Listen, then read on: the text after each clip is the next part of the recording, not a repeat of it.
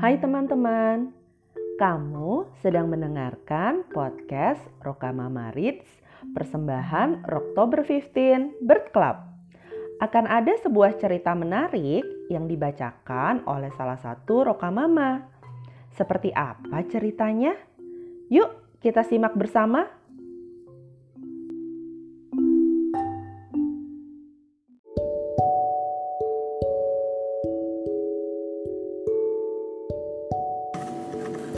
Halo teman-teman, namaku Tanti.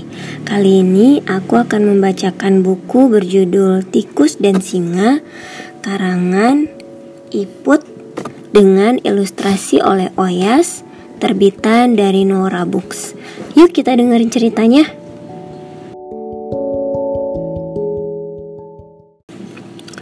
Pada suatu pagi, tikus bermain sendirian di dalam hutan.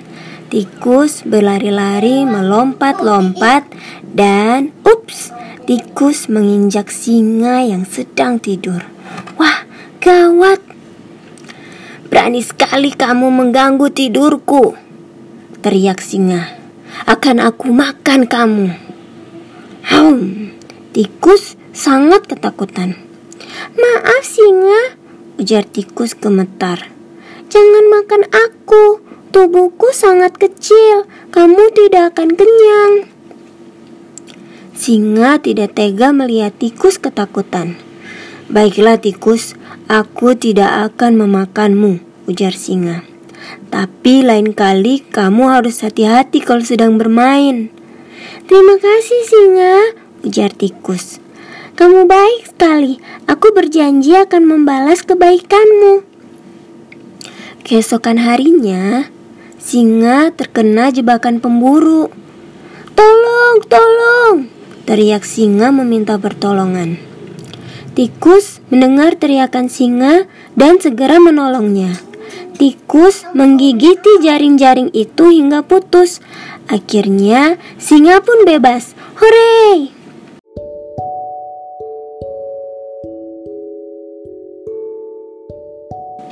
Nah, adik-adik, itu tadi ceritanya. Coba kamu bayangkan, kalau saat itu singa memakan tikus, apa yang akan terjadi? Pasti tikus tidak bisa menolong singa, dan singa akan tertangkap oleh pemburu. Ih, seram! Jadi, kita harus saling tolong-menolong, ya. Terima kasih sudah mendengarkan ceritanya. Sampai jumpa.